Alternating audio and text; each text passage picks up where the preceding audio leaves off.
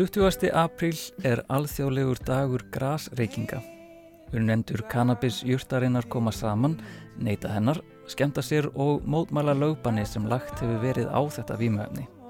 Dagurinn er gerðan kallaður 420 eða 420 á ennskri tungum og vísar það bæði í rítun dagsetningarinnar að bandarískum sið en einnig til tímasendingarinnar 20 mínútur yfir fjögur og er sá tími talinn kjörinn til að kveikja sér í einni jónu og slaka á eftir vinnudaginn.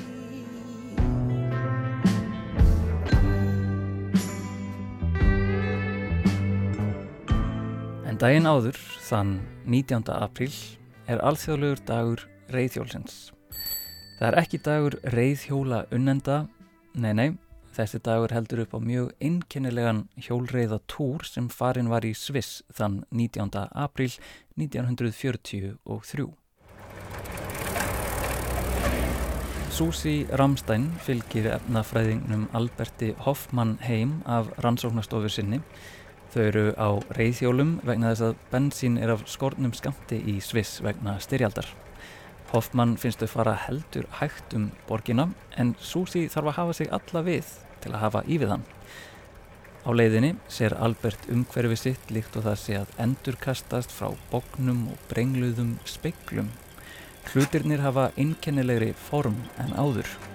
Form sem reyfast líkt og í kvíksjá.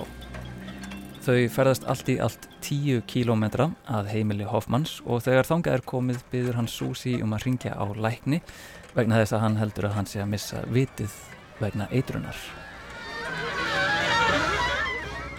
Læknirinn kemur innan stundar og líst satt best að segja ekkert á Albert. Hann mælir blóðþrýsting og púls, skoðar inn í augu og eiru en allt virðist með feldu og ekkert bendir til eitrunar. Það eina óeðlilega sem læknirinn finnur eru út þannig sjáöldur aukna Alberts en slikt bendir ekki endilega til eitrunar.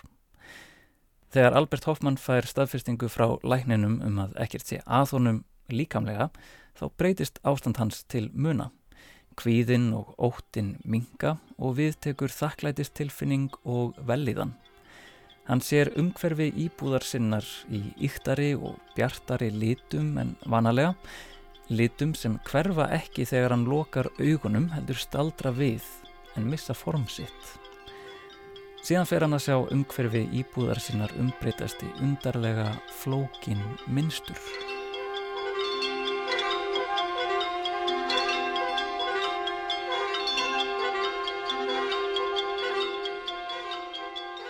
Fyrrum daginn hafði Albert innbyrt liv sem hann var að þróa. Liv sem hann taldi geta dreyið úr höfuðverkjum og komið í veg fyrir öndunarvandamál.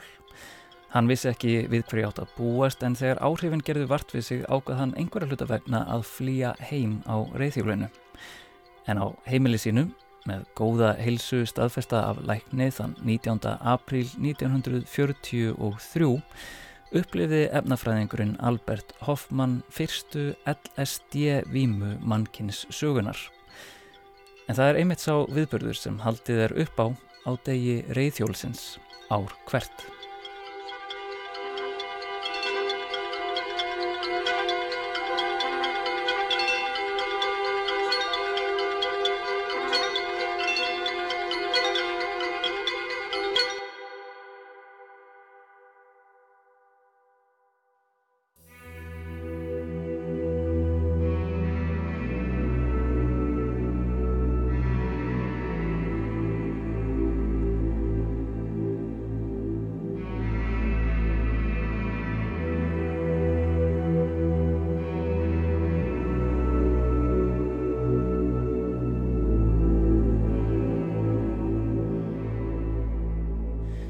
Ágæti hlustandi, þetta er miðjan og jæðarinn.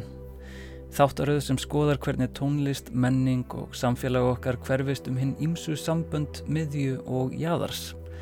Miðjan vísar gerðnan í það sem þykir vinsælt, almennt eða í tísku, en jæðarinn í það sem er ekki á allra vörum og er heldur sjálfgeft. En miðjan getur einni vísað í ráðandi öll og jæðarinn þá til jæðarsettra hópa samfélagsins. Þetta erum við og hinnir, tískan og kúlið, hið venjulega og hið óvenjulega. Þann 19. og 20. apríl ár hvert er haldið upp á tvö áhrifarík vímuefni, LSD og cannabis. Í þessum þætti ætlum við að skoða sérstaklega ofskinjana lifið LSD, eða síru eins og það er gerðan kallað, út frá miðjum og jöðrum. En hvernig miðja er síran? Eða kannski öllu heldur hvernig jaðar er síran? Í nútímanum getum við hæglega sagt að LSD sé jaðar vímugjafi. Það verðist allavega ekki íkja algengt hjá vímöfna neytendum. Vímöfni miðjunar er fyrst og fremst áfengi en með í þeirri miðju eru einnig kaffi og nikotín. Miðjan skapast vissulega innan lagalegs ramma en fast á hæla löglegu efnana fylgjar nokkur ólögleg sem dadra við að verða hluti af vinseldar miðju vímöfnana. Þessi helstu eru kannabis, amfetamin, kokain, rítalín og morfín. En alveg á jæðrinum Jæðri vinselda miðjunar má finna efni sem skjóta ekki jafn oft upp kollinum eins og heroín, metamfetamin, meskalín og LSD. Flest öll þessara efna ganga út á hraða breytingar að einhver leiti. Eitt hægir á líkamstarfseminni, annað hraðar henni og hegðun neytenda breytist eftir því. Sumir dansa í marga klukkutíma á meðan aðrir sitja pollrólegir fyrir framann skjáin og allt þar á milli. En LSD er frekar ódreynalegt efni og sker sig þar af leiðandi svolítið frá hinnum vímugjöfunum og við getum kannski sagt að víman sem hlýst af sírunni sé eins konar jáðar víma. Hún er eitthvað allt annað, ekki einberar hraða breytingar. Þegar LSD er innbyrt getur það tekið allt frá 30 mínútum og upp í 1,5 klukkutíma fyrir áhrifin að koma fram. Víman getur varað frá 6 klukkutímum til 15 klukkutíma. Þetta er sérstaklega alveg dagsverk. Oft er talað um þessa vímur sem ferðalag þar sem mjög margt getur skeið. Tilraunir til að lýsa vímunni eða myndgera hana afhjúpa hverskins offsjónir og ofheirnir sem neytandin verður fyrir litrikir heimar og brengluð hljóð eru þar í forgrunni. Frásagnir herma að egoið eða sjálfið leysist alveg upp og sumir telja sig jáfnvel hafa komist í snertingu við Guð. Og í þessum þætti viljum við reyna að skilja LSD og þá sérstaklega tengsl þess við neytendur sína og hvernig áhrif þess endur speiklast í dægurtónlist. I'm gonna be round my vegetables. I'm gonna chow down my vegetables. I love you most of all, my favorite vegetable.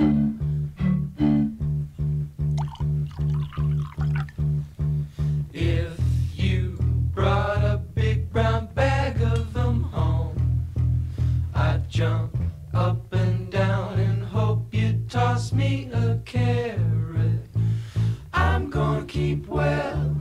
vegetables, cart off and sell my vegetables. I love you most of all, my favorite vegetable. Oh, table vegetable. I tried to kick the ball. Í dag er LSD jáðar vímuöfni en á sjönda áratug 20. aldar komst það fremur nálagt í að vera samfélagsmiðja. Á þeim áratug komst það í mikla dreifingu um Vesturlund og tegndist hvað helst hippamenningu og ungri byltingarhugsun. Árið 1964 rúlaði Mary Prankster rútan svokallaða um bandaríkin með rítuundana Ken Kesey og Allen Ginsberg í brotti fylkingar. Rútuhópurinn held svokulluð sírupröfu partí þar sem þau stoppuði í borg eða bæ, heldu allsherjar visslu og buðu gestum upp á LSD blandaði Kool-Aid Juice. Árið eftir, 1965, opnaði ofskinnana verslun í hippa hverfinu sjálfu heit Asbury í San Francisco. Verslunin seldi vímuöfnið en bauði líka upp á hverskins aðstóð og leiðbynningar um hvernig eigi að nota lifið. En aðeins ári eftir opnun eða árið 1966 var vímuefnið bannað í bandaríkjunum og versluninni þar með lokað. Það var svo í mæ árið 1967 sem plata bítlana Sgt. Pepper's Lonely Hearts Club Band kemur út og þótti staðfesta að einn vinsælasta hljómsveit heims var farin að neyta livsins. Eftirfylgdi síðan hefði svokallaða sumar ástarinnar þar sem lifið varð aðgengilegra en vassopi á flestum hippasankomum. Allir stóru byltingar viðburðir sjönda áratugurins tengjast á ímsan hátt. Í gegnum tónlist eða í gegnum hugmyndafræði eða í gegnum andúð eða í gegnum LSD. Þetta allræmda ofskinnjana liv sveimar vissulega í bakgrunni margra atbyrða en það þótti það mikilvægu þáttur í því að móta nýjan hugsunahátt fyrir framtíðar kynnslóður heimsins. Eða svo töldu talsmenn livsins allavega mennaborðið sálfræðingin Timothy Leary rítöndin Aldous Huxley og heimsbyggingin Alan Watts Þeir voru sammála um að þetta ofskinnana liv geti hjálpað manneskunni að sjá í gegnum þá gengdarlausu efnisíkju sem enkendi og enkenir enn vesturlönd en þeir töldu ellist ég einnig geta opnað skinnjun okkar og skilningavitt fyrir andlegri hliðum lífsins, fyrir æðri tilgangi en heimsvald stefnu og gæða kaplöpi. Í lifinu býr samkvæmt þeim byltingarandi og trúartenging og því kemur það ekkert sérstaklega óvart að það hafi verið gert ólelögt um heim allan. Að ráðandi öll í samfélaginu hafi þvingað lifið út á jæðar út fyrir lagalega miðju hverstasleikans.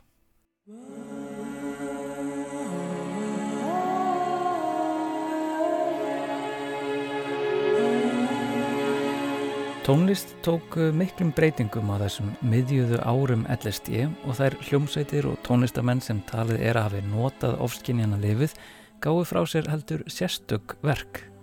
Þetta eru hljómsveitir á borðið Beatlana, Beach Boys, Grateful Dead, Jefferson Airplane, Pink Floyd og fleiri. Tónlistamennin er Jimi Hendrix, Janis Joplin, Jim Morrison og fleiri. Flest konnustu við þetta breytingatímabil tónlistarinnar. Dægur tónlistin fór frá því að vera sveiplukjand, einföld og dansvæn poptónlist yfir að vera lagskipt, flókin og tilraunakjand.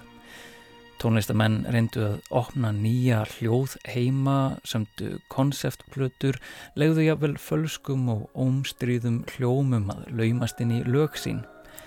Einkennilegar taktbreytingar, skær, gítarleikur, draumkendir, tekstar, löng, lög og framandi hljóðfæri einnkendu þetta dægulaga tímabill.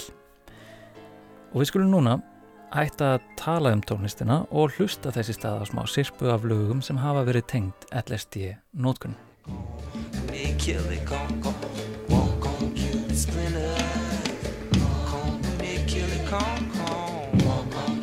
pessoas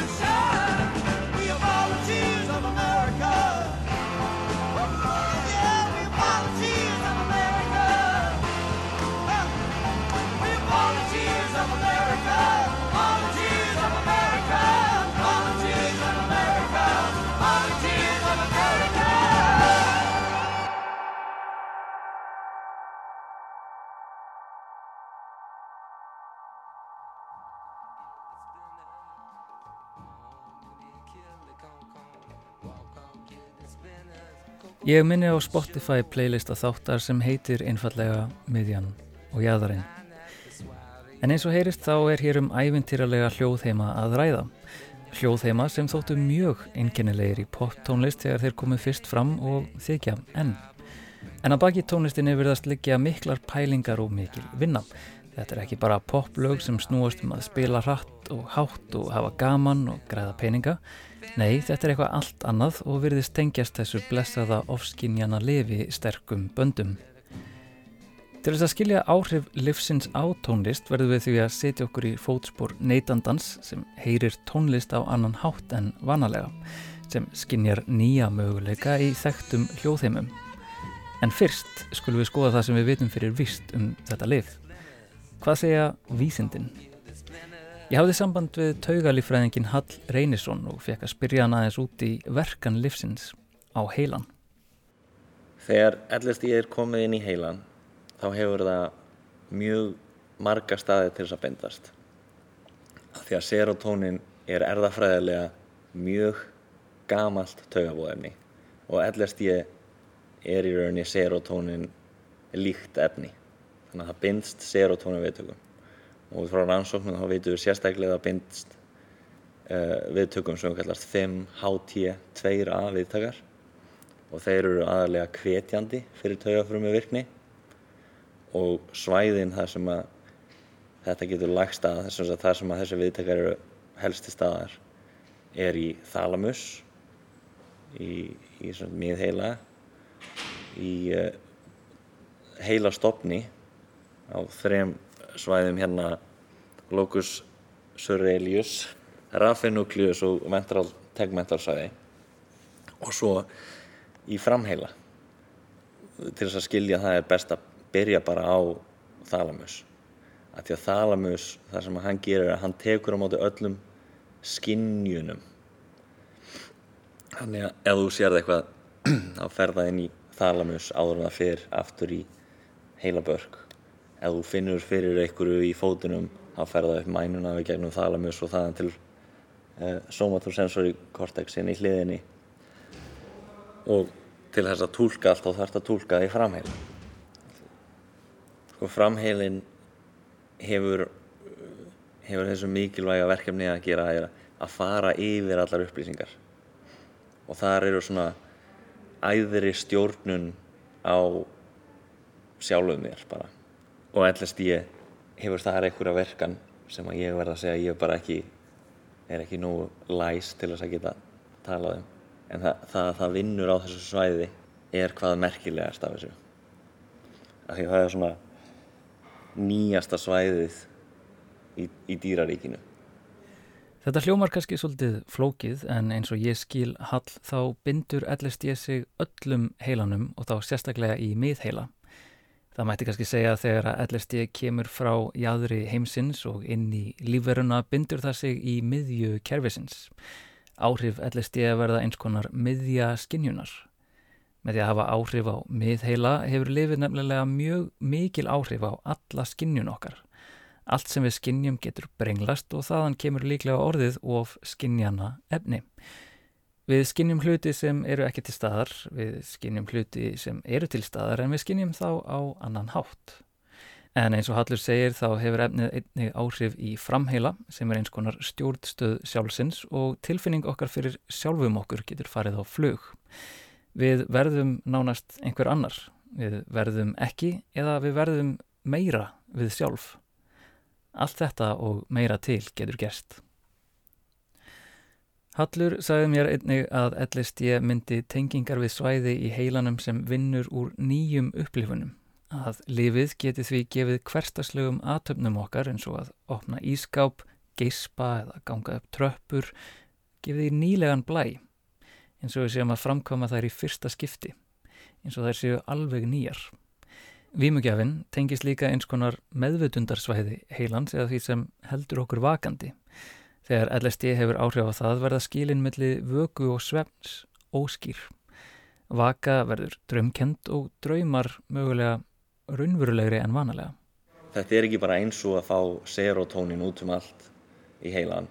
Þegar, þegar serotónin byrst þessum viðtökum þá fær viðtækin sérstaklega lögun sem að veldur þá einhverju virkni inn í taugafrumunni sem er ekki lík virkninni sem að kemur í taugafrumunni þegar LSD binst viðtökunum. Af því að LSD er stærri sameind þannig að LSD bindist og lögunin verður ólík löguninni þegar serotonin bindist. Þannig að það er margt förðulegt sem að gerist ekki bara viðtækanlega séð heldur líka út af svæðunum sem þetta hefur áhrif. Í þalamust þá hefur áhrif á nær alla skinnjun og breytir allri skinnjun en svo eru sérstök svæði eins og sjónbörkur þar sem að taugafrumur sem að vanalega eru með mjög mikla virkni allt í hennu fá mikið minni virkni og taugafrumur sem eru með mjög litla virkni fá mjög mikla virkni allt í hennu og við vitum ekki hvernig þetta, hvernig þetta getur útskýrt þar sem við sjáum þegar við erum á LSD þótt að við vitum hvað er að gerast í heilanum. Eins og Hallur segir getur LSD með því að bindast serotonin viðtökurum haft áhrif á nánast allan heilan og getur þar á leiðandi fariðin á svæði með ákveðna virkni og snúið þar öllu á kvolf. Það er hljómar sattbest að segja ekki vel og ég er ekki vissum að ég myndi taka áhættuna á að prófa þetta liv vitandi þetta og í gegnum tíðina hafa streymt til okkar alls konar viðvaranir um nótkunn livsins Hugmyndin er svo að með því að hafa svona afdreifarík áhrif á heilan hlýtur ellisti að hræra í sálarlífinu og ráðskast með andlega hilsu okkar. Orðið geðróf skýtur gerðnan upp kollinum þannig ég ákveða að spyrja Hall hvort ellisti geti í raun og veru gert mann geðveikan. Við erum allavega ekki með tölfræðina til þess að segja að, að ellisti veldur geðrói. Það er alveg, ég get alls ekki sagt það en svo er spurningin er ítir þetta undir geðurof eða, eða eitthvað líkt?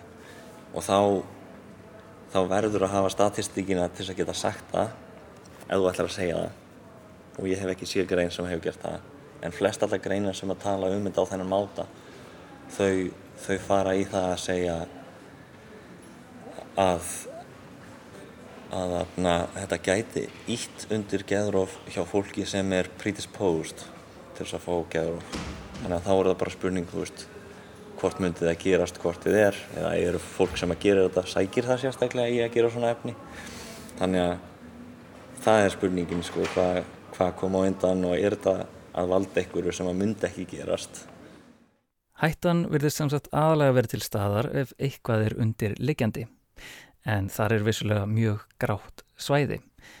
Hvernig á neytandi að vita hvort eitthvað er undirliggjandi hjá sér áður en hann tekur lifið? Það er óþægilega ráðgátan sem fylgir LSD. En þrátt fyrir þetta gráa svæði þá hefur nótkunni lífsins eins og er marga góða kosti. Hallur saði mér að rannsóknir hafi sínt fram á að neysla á LSD geti hjálpað fólki að vinna úr þunglindi og kvíða. Einni eru til dæmi um að það geti dreyið allverulega úr fíkni í önnur emni eins og nikotín eða áfengi. En ef manneskja vill nota LSD til að vinna á fíkn, þunglindi eða kvíða, verður hún alltaf að ákveða hvort hún vilji ganga yfir gráa þröskuldin og hætta á að virkja undirliggjandi geðræn veikindi. En það er einnig ákveðin vandi sem fylgir því að skoða LSD bara út frá taugalífræðinni. Vandin er að taugalífræðin kemst ekki inn í hugsunina og skinnjunina sjálfa. Vísendamenn búa vissulega yfir sérstökum skönnum sem geta sínt virknina í heilanum en sjónarhórn þeirra er alltaf utanfrá þó þeir sé að horfa inn í virkni heilans. Frá þessu utanað komandi sjónarhórni er hægt að sjá verkferðla heilans þegar að manneskjur til dæmis sínd mynd af húsi. Það er hægt að setja fram nokkus konar nýtakort af virkninni en það er ekki alveg hægt að skilja nákvæmlega hvað er í rauninni að eiga sér stað frá því að augað nefnur mynd af húsi og þar til hugsunin skilur já, þetta er hús. Það þýðir að jáfnvel þó við hefðum kort af virkni heilans í mannesku undir áhrifum LSD, þá getum við samt ekki vita með vissu hvað hún er að upplifa. Við sjáum bara hvar virknin er og getum í mestalagi giskað út í loftið með loðnum hugtökum um reynslu þessa einstaklings. En staðrindin er svo að mannsheilin er svo ótrúlega, ótrúlega flókið og óaðgengilegt líffæri að vísindin hafa enn bara rétt kraftsað í skilnings yfirborð þess. Þannig að við erum kannski ekki alveg sött eftir upplýsingar taugalífræðinar og leitum því lengra. Til að halda áfram rannsókn okkar verðum við að hafa upp á einhverjum sem hefur pröfað výmuna á eigin skinni, já eða heila eða taugakerfi. Einhverjum sem hefur pröfað výmuna á eigin taugakerfi og getur hjálpað okkur að komast inn í výmuna.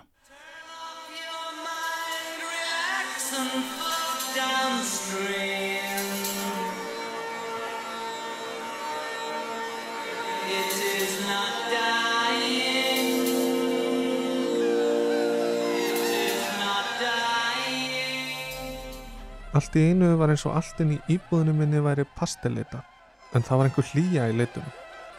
Hlýjan dreifði sér um líkama minn og slakaði á öllum vöðvum mínum, en þrátt fyrir slökunina var öll hugsun tær og skýr.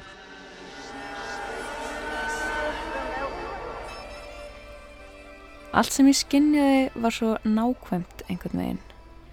Ég heyrði, sá, þreyfaði, lyktaði og bragðaði af meiri ákjæð en áður. Einn samloka með hnetusmjöri bræðaði svo vel að mér fannst nöytnin sem slík hljóta að vera yfir náttúrulega upplifun. Ég beinti aðtegli minni að herbygginu og allt í einu fengur hlutirnir inn í því heilaga ári. Helliborðið og leirtöið og stólarnir og plötuspilarinn og súpuauðsurnar og gömlu flöskurnar. Út frá þessum hlutum streymdi einhver heilalegi. Ég neyði mig og tilbað hvert hlut.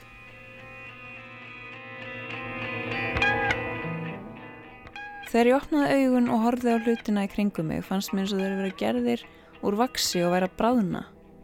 Ég gerði mér alveg grein fyrir því að þetta væri áhrif livsins en fannst þetta líka hljóta að stafa af vökunum í augunum mínum sem gaf öllu í kringum með þessa vökukendu áferð.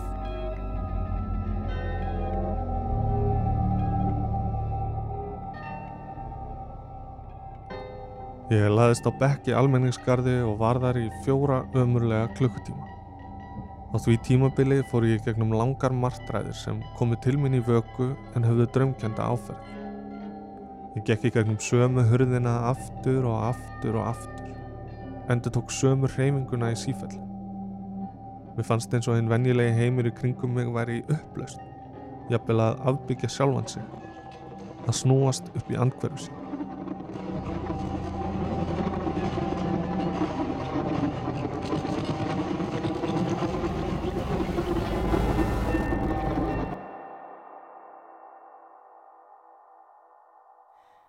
Hér heyrðum við upplestnar frásagnir LSD neytenda úr bókinni The Varieties of Psychedelic Experience eftir Robert E. L. Masters og Gene Houston.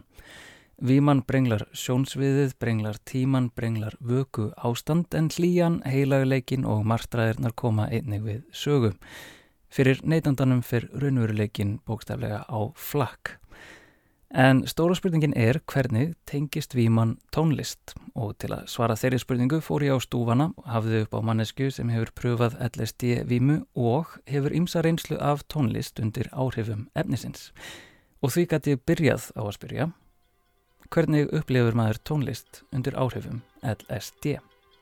Yfirleitt er hún bara, hún er miklu kannski svona innilegri og maður skinnjar tónlistina miklu svona harkalegar og hún kemur inn til manns svona að mjög fyllilega.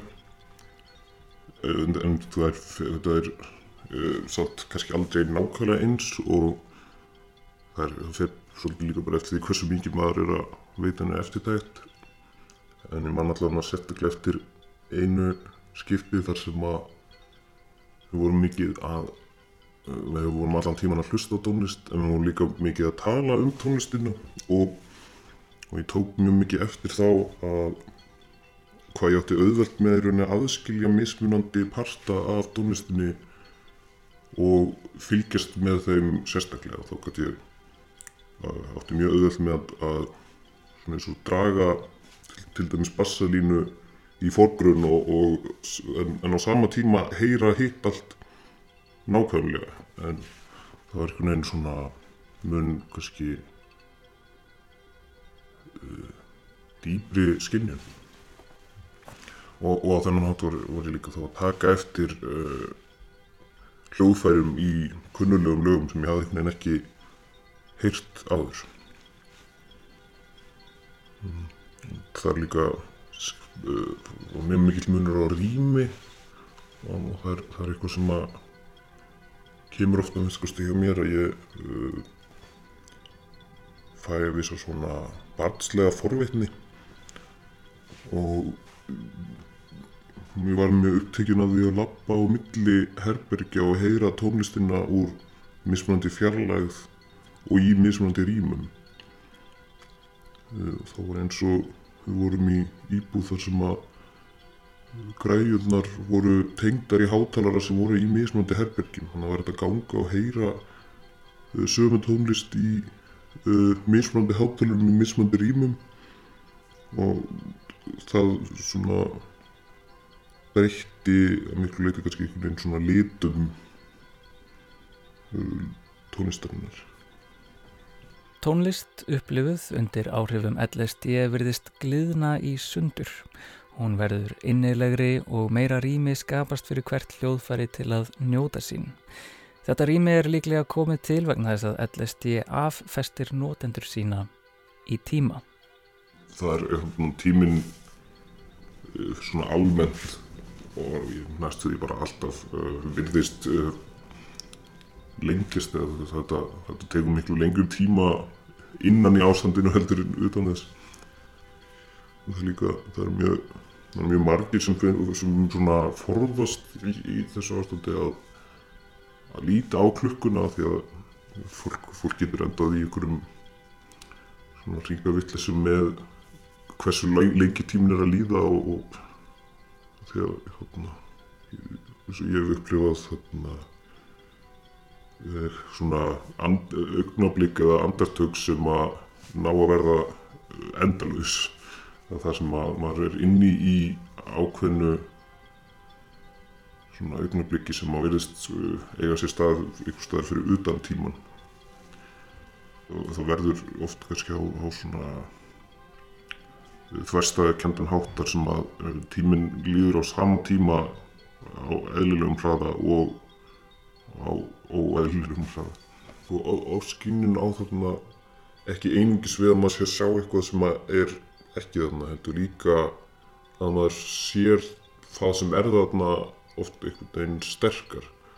Og það er, veist, það er eitthvað sem gerist það sem að minnstur í mjög víðum skilningi verða augljósari og líka, þú veist, maður sér þau þó þau séu ekki ekki til staðar en, en þetta sama, þetta bæði við um, um minnstur bara í hugmyndum og líka í um, minnstur í hljóðum að þá sem maður á kannski þess vegna einmitt auðveldar með að skilja tónlist á þennan hátt af því að tónlist er svo mikið minnstur ég, ég persónlega hef, ég, maður, maður svona leitast kannski við um tónlist sem er oft kannski uppfull af uh, svona ambience pælingum og þá er mitt oft kannski mitt svona laung hljóð sem að breytast hægt eða eða hérna e, já eða, eða ofta mitt svona flókin hljóðmynd sem að verður einhvern veginn bara við það að geta tekið hana svona einhvern veginn í sundur og skinja hana alla í einu uh, verður bara mjög ánægileg en líka áhugaverð Upplifun tímans afbakast, rými tónlistar vikar, hvert hljóðfæri nýtur sín betur. Það er hægt að heyra tónlistina alla í einum og taka hana í sundur. En sögurherma að ákveðnar hættur fylgi výmunni. Rítöfundurinn Aldus Huxley rítaði að ofskinnjana lif á borðið LSD opni dýr skinnjunarinnar en að á bakvið þessar dýr megi finna annarkvort himnaríki eða helviti. Víman getur tekið neytanda á hérna mögnuðustu staði en hún getur líka steift honum ofan í hálf tímalausa martruð. Það var ógleði í ofanálag við ofsakendar áskynjanir sem að ég hérna sá svona einna sterkast þegar ég lókaði augunum þar sem að það er einhvers konar þrývíður alheimur sem að snýrist í mismunandi áttir Nú var mjög ekki, ekki einhvern veginn til þess að, minka ókliðina.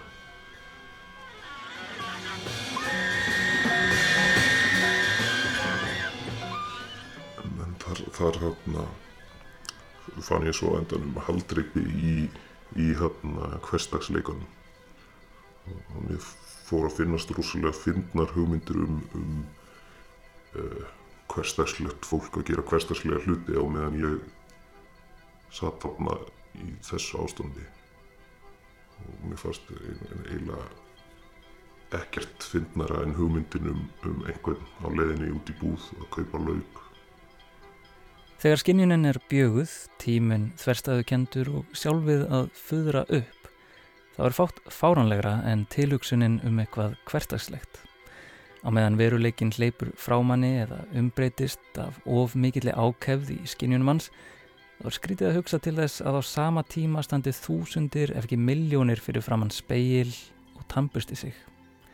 Fólk mátar föt í þartilgerðum klefum, fólk fyllir Excel-glugga af tölum og bókstöfum, fólk þvarkar um uppvaskið og aðrar þvóttaskildur.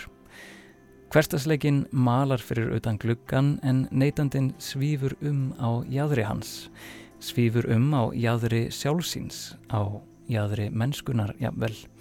Hann hefur innbyrt liv sem miðjar sig í taugakerfinu, opnar ný svæði í veruleikanum og fjarlægir upplifaran frá vennjunni. Það er hægt að tannbusta sig, vaska upp og kaupa laug undir áhrifum LSD en allar þessar gjörðir verða að meiri háttara viðburðum undir áhrifum livsins.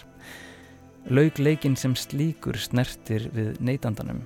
Áreitið í búðinni nær inn í beinin og tilhugsunin um tilvist peninga getur orðið vafamál. Ekkert er venjulegt undir áhrifum LSD, veruleikin byrtist neytandanum sem jæðar. Einslík jæðarbyrtingamind er tónlist. Í tónlistinni finnur neytandin aukið rými á milli tónana, minnstur tónlistarinnar verða skýrari fyrir honum, takturinn og tími tónverka verður þverstaðaukendur, en tengingin við tónlistina ánæguleg og innileg. Hinn výmaði lifir í og rennur saman við tónlistina. Mér langar að taka smá tilraunakent dæmi til að reyna að útskýra tónlist undir áhrifum LSD. Það annarkort hefnast eða endur út í skurði, við sjáum til. Þetta er tólkun á þeim upplýsingum sem ég hef í höndunum og verður alveg öruglega ekki nákvæm eftirlíking af upplifun neytanda. En þetta er allavega tilraun til að tjá þær upplýsingar sem fram hafa komið. Ég fann nokkuð venjulegt dægulag frá 1964, eitthvað sem einstaklingur af hippa kynnslóðinni væri líklegur til að heyra frá topp 20 útarpstöð á sjönda áratugnum undir áhrifum livsins. Þetta er lagið Going Out of My Head með hljómsveitinni Little Anthony and the Imperials. Well, I think I'm Yes, I think I'm going out of my head over you. Svona hljómar það, en við viljum skilja hvernig það hljómar undir áhrifum LSD. Gefum því meira rými, hægjum á því.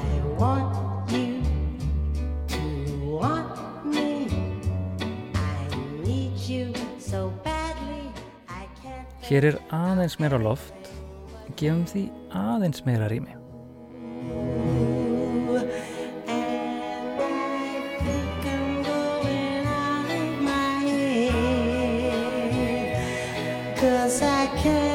Þarna, hér getum við heldur betur dvalið á milli tónana og slagana. En það vantar einhverja fyllingu í þetta, einhverja hlýju. Finnum smá bergmál.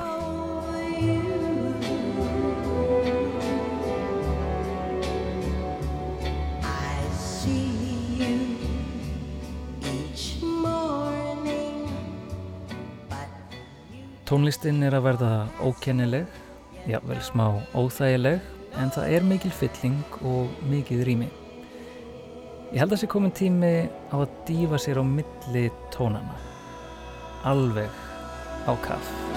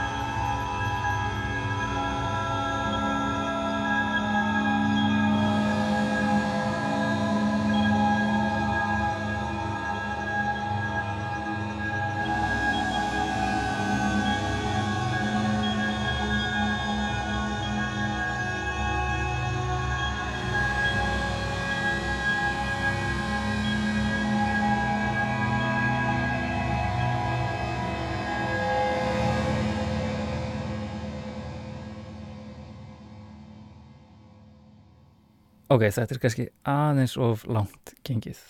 Ég afsaka. Þetta var samt eins konar tilraun til þess að setja áferð tónlistarinnar í fórgrunn og búa til tíma leysi í hljóði. En það var vissulega íkja. Það gefur að skilja við mennum seint fanga fyrstu personu upplifun neytenda í hljóð vegna þess að þessi lífsreynsla er ekki aðeins það sem neytandin heyrir, heldur finnur hann tónlistina í öllum líkamannum. En við skulum leifa Little Anthony og Imperial hljómsveitinni að klára lægið. Draugum það upp úr undirtjúpanum. There's no reason why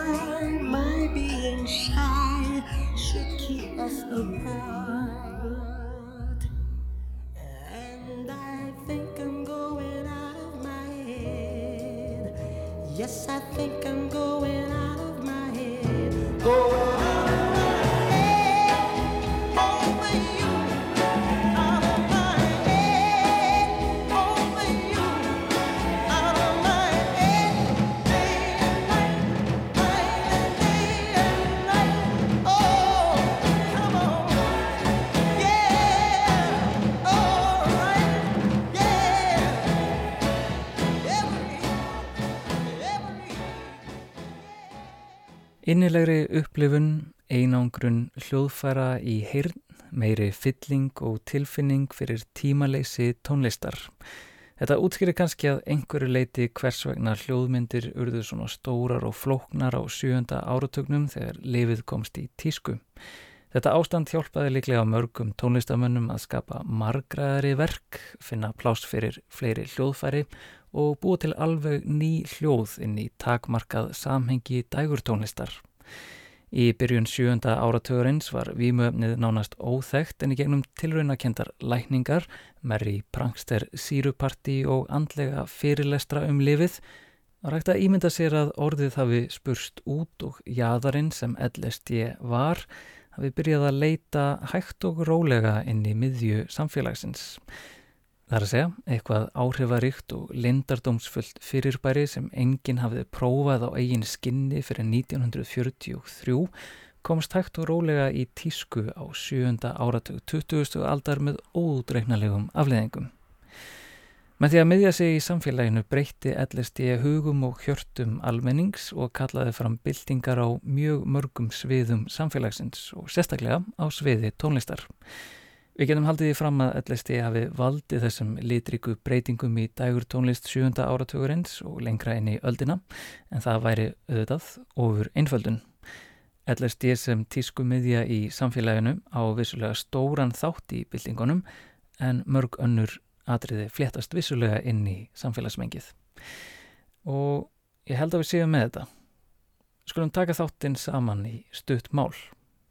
Og, og já, setjum stefið í gang.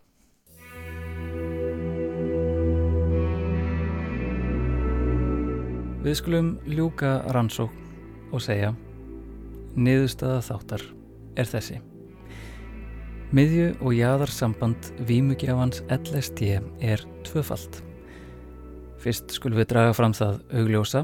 Lifið var upphaflega samfélagsjaðar frá sköpun sinni 1943 en byrjaði að leita inn að miðju á sjönda áratögnum.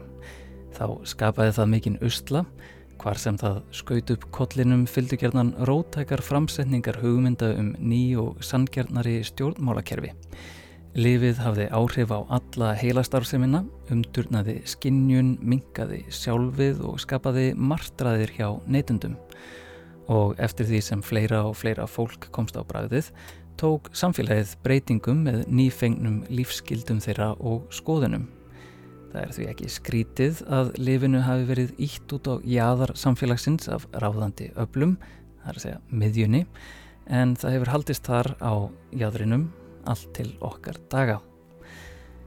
En það sem er minna augljóst er að víman sem hlýst af efninu er líka jaðar. Eða kannski ekki, e, jú, hún er öðruvísi en flestar aðrar vímur sem í bóði eru.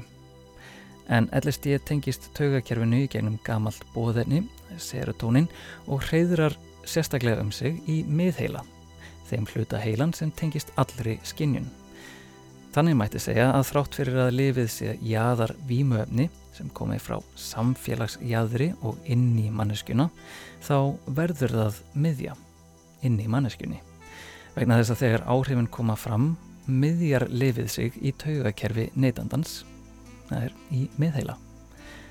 Sem sagt, lifið er jaðar sem verður miðja inn í manneskjunni. En það verður til þess að þessi venjulega upplifana miðja manneskunar, hennar nánasta umhverfi og hverstasleikin sjálfur umturnast í jaðar upplifun, það verður skrítin. Hlutirnir eru upplifaðir af meiri fyllingu og meiri innlifun, byrstast ekki sem einbert tól og tæki til að, heldur sem áhugaverður og jáfnvel einkennilegir hlutir í hlutleika sínum. Hlutirnir byrstast fordómalöst sem þeir sjálfur. Tónlist er einn þessara hluta sem umbreytist í upplifun neytandans. Tónlistar upplifun verður heildræn en samt líka sundurleitt. Hún verður rýmri en líka smágerð og nákvæm. Svo tónlist sem runnið hefur undan rivjum LSD neytenda í gegnum tíðina getur henda sem ágetis speklun fyrir þá einnkennilugu tónlistar reynslu sem þeir verða fyrir. Sem sagt, þegar LSD er búið að miðja sig inn í manneskunni verður upplifun hennar og skinnjun jáðar. LSD er lifandi samverkun miðja og jáðara. Lifið er jáðar sem verður miðja inn í manneskunni en í þeirri verðandi snýr það allri upplifun á kvolf. Það sem er rætt verður hægt, það sem er hægt verður rætt, heildir sundrast, merðir heildast. Það sem er venjulegt verður óvenjulegt og það sem er óvenjulegt verður venjulegt. Miðjur verða jæðrar og jæðrar verða miðjur.